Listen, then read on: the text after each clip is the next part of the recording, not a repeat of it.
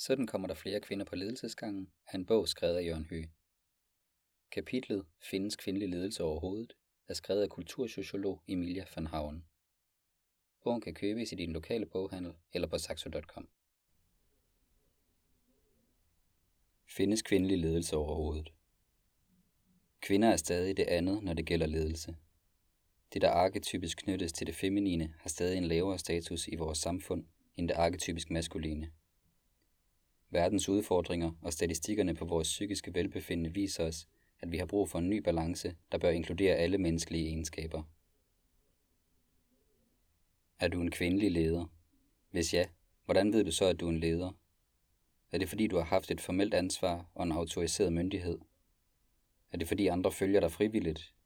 Måske noget tredje? Hvordan ved du, at du er en kvinde? Er det på grund af din krop? Eller er det fordi, du føler dig som kvinde og spejler de kulturelle forventninger til fremtoning, værdier, adfærd og mere? Det interessante er, at når de to ord sættes sammen, bliver de til undtagelsen. Selv i 2020 er kvindelige ledere noget, man skal skrive en bog om, fordi normen er, at ordet ledelse stadig er mest knyttet til ordet mand. Det biologiske og det sociale køn. Man fødes ikke som kvinde, man bliver det. Sådan sagde den franske forfatter, feminist og filosof Simone de Beauvoir for over 50 år siden. Og nogen vil straks indvende, at det ikke er rigtigt, for selv søpølsen ved, at der er en biologisk forskel på kønnene. Men det er heller ikke det, hun taler om. Hun henviser til, at vi har to køn, nemlig det biologiske og det sociale, og sidstnævnte er først og fremmest en kulturel aktivitet, der med tiden former vores private identitet og selvforståelse. Det er årsagen til, at nærværende bog overhovedet kan findes.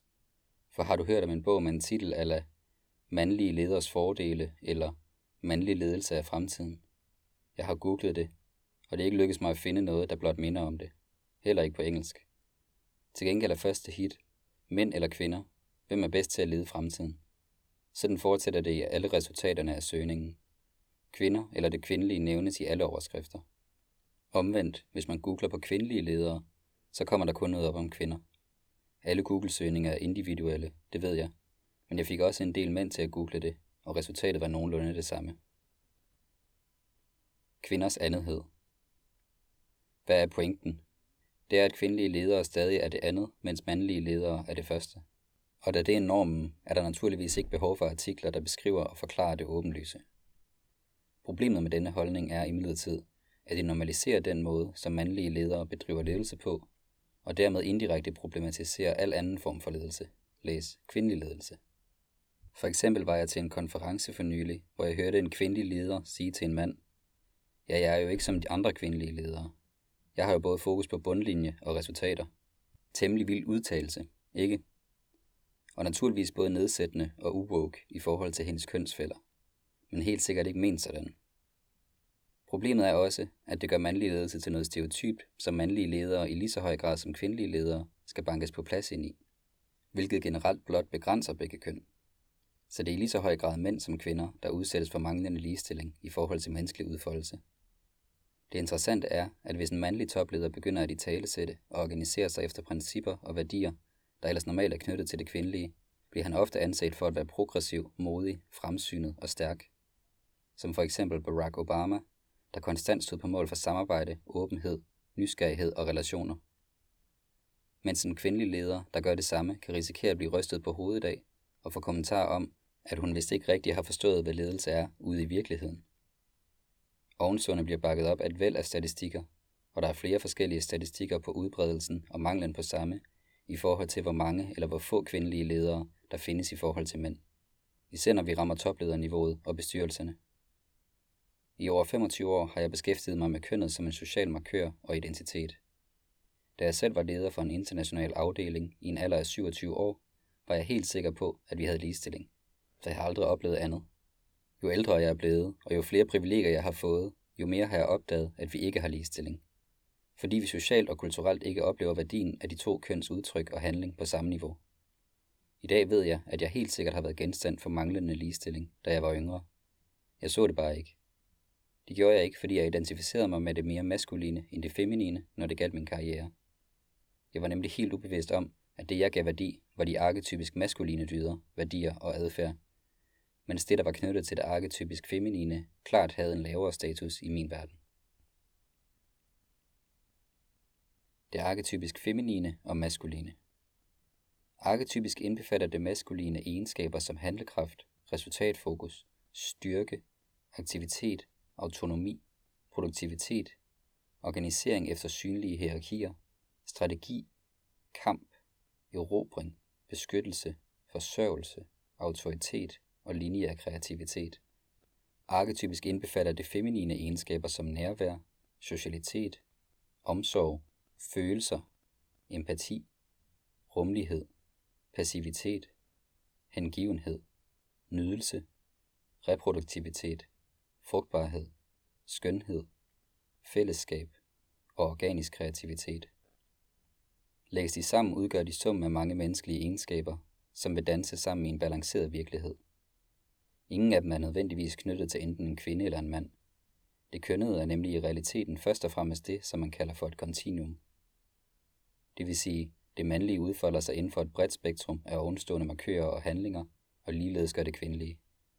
Kun i yderpunkterne, som næsten ingen mennesker tilhører, findes det, nogen ville kalde for en rigtig kvinde og en rigtig mand, hvilket i sig selv er et håbløst udtryk.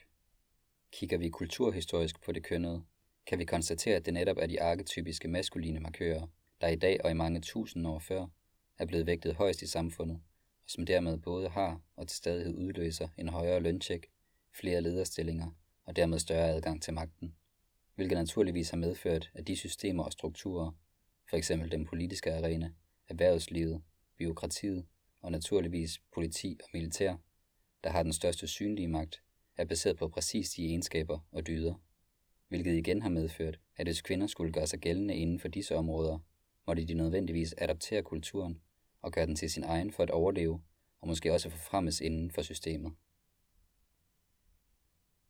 Vores psykiske velbefindende er alarmerende.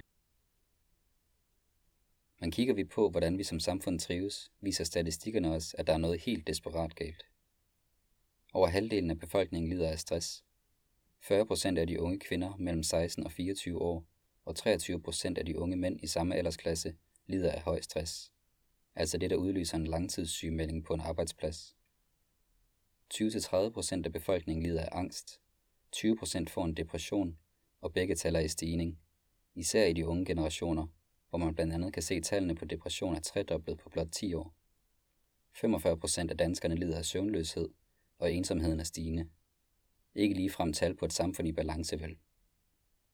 Når det lægges sammen med det materielle niveau og den civilisationsgrad, som vi har opnået, er der noget, der slet ikke stemmer, for vi burde have et samfund i totalt overskud på alle niveauer og i alle sektorer.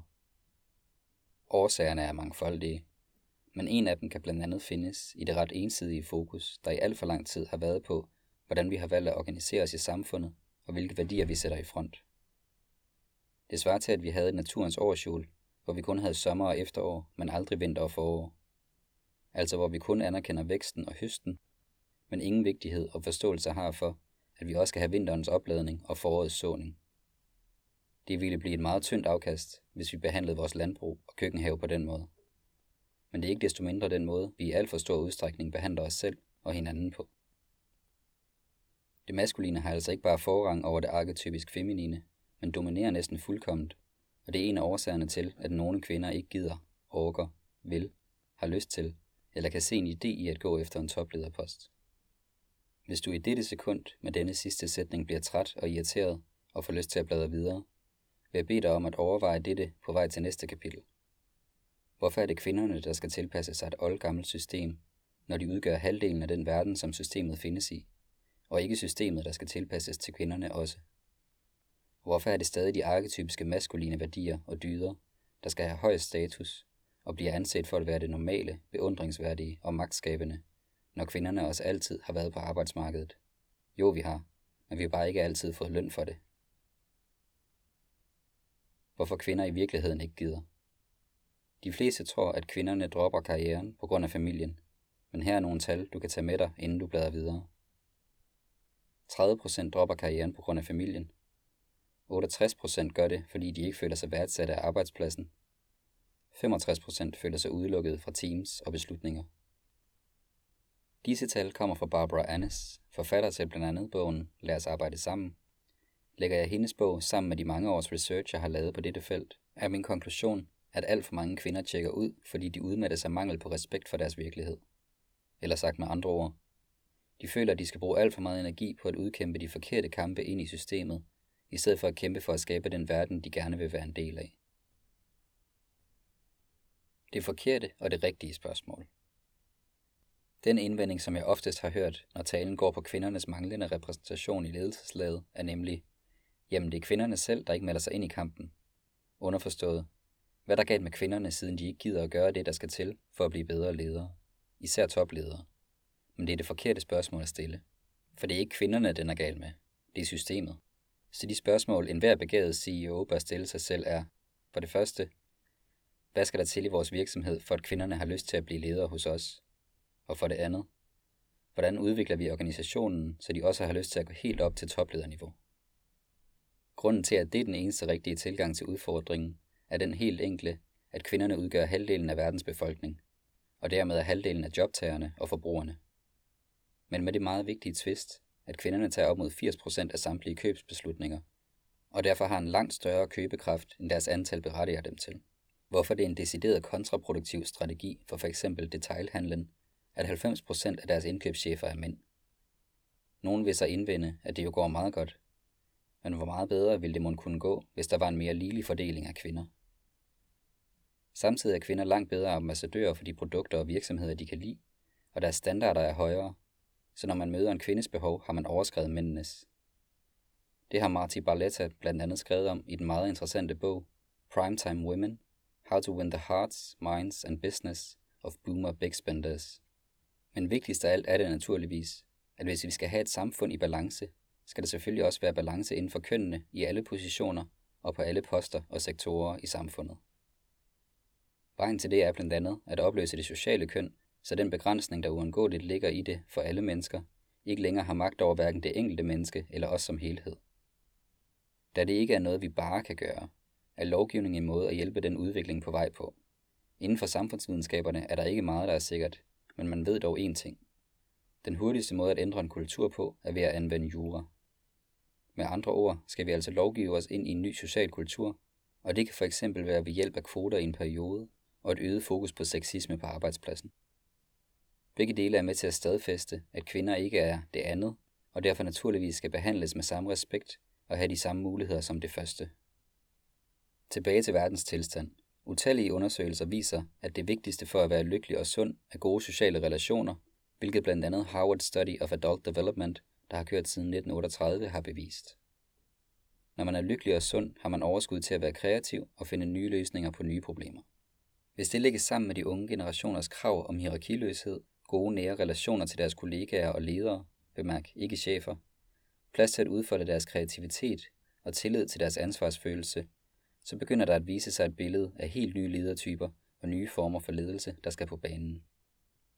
Når vi anerkender, at de arketypiske egenskaber som omsorg, relationer, rummelighed, orientering mod fællesskabet, empati og organisk kreativitet er lige så vigtige at have med i enhver strategi og organisering som de arketypiske maskuline KPI'er, begynder vi at ruste os til en mere balanceret fremtid. Fordi vi jo netop har brug for hele menneskehedens ressourcer for at klare de udfordringer, vi som klodefællesskab står overfor. Men også fordi de unge generationer forlanger det.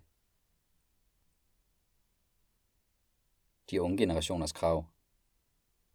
Flere mænd end tidligere begynder at sætte spørgsmålstegn ved jobbet, når de får deres første barn.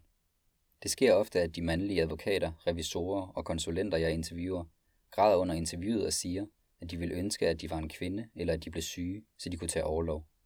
Flere kalder det endda karrierefængslet. Sådan udtaler Sara Louise Moore, der er forfatter til bogen Ledelse af køn, organisationsforsker og professor på CBS.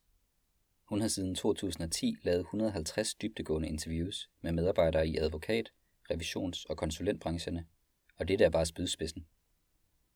I årvis har jeg selv beskæftiget mig med de unge generationer, og netop kønnet og dets udtryk er en faktor, som mange unge er i gang med at tage et opgør med. For de vil ikke ses som et køn. De vil ses som et menneske. De fleste virksomheder og organisationer har i dag udfordringer med både at tiltrække og især fastholde de unge. Og hvis du kan genkende det, vil jeg råde dig til at kigge på jeres kønspolitik. Faktisk hele jeres diversitetspolitik.